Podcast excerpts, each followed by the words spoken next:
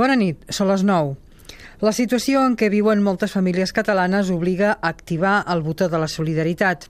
El 5% de la població catalana viu en una situació de pobresa severa i això vol dir, per exemple, que no pot pagar les factures dels subministraments bàsics i que, en conseqüència, no pot mantenir casa seva a una temperatura de confort. També vol dir, per exemple, que no pot menjar carn dos cops per setmana. Per totes aquestes persones s'organitza cada any el gran recapte d'aliments. Entre avui i demà tenim l'oportunitat de dipositar algun aliment bàsic en els 2.000 punts que s'han habilitat a mercats i supermercats per la recollida. L'objectiu és recollir 4 milions de quilos d'aliments per repartir entre 250.000 persones.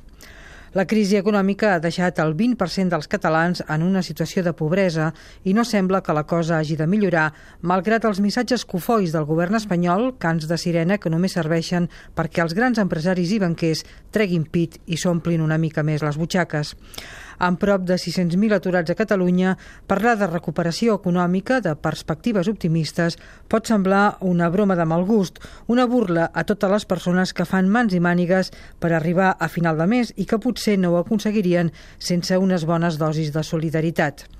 I al costat d'aquesta realitat, avui n'hem viscut un altre a l'altre extrem, el Black Friday, un invent nord-americà per estimular el consumisme més excessiu. Durant un divendres, els comerços apliquen descomptes en tots els seus productes per animar la gent a gastar.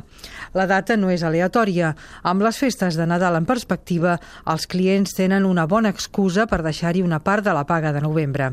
Les imatges que arriben dels Estats Units o del Regne Unit ens mostren una febre desaforada per comprar, amb cops de colze i corredisses multitudinàries per aconseguir el producte desitjat. Les nostres botigues, de les roses de captar clients, han importat l'invent i avui han fomentat els desitjos consumistes de tota la gent que s'hi ha acostat. Des de la roba als productes electrònics, els aparadors s'han omplert d'ofertes irresistibles en una voràgina difícil d'evitar. Són les contradiccions amb què hem de conviure, la passió per posseir, per gastar, per acumular, al costat de la necessitat d'ajudar, de la caritat, de la compassió pel pobre o, en el millor dels casos, de la generositat i l'autèntica solidaritat. Al mateix dia, en el mateix lloc, amb les mateixes persones, no cal ni triar.